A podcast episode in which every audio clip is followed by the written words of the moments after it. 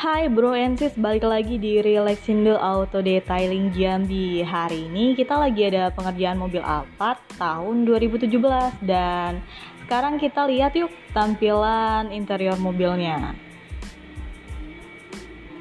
Nah sekarang kita lagi tahap polishing Ini tahap polishing di bagian kap depan mobilnya. Sekarang kita beralih ke tampilan mesin untuk mobil Alphardnya.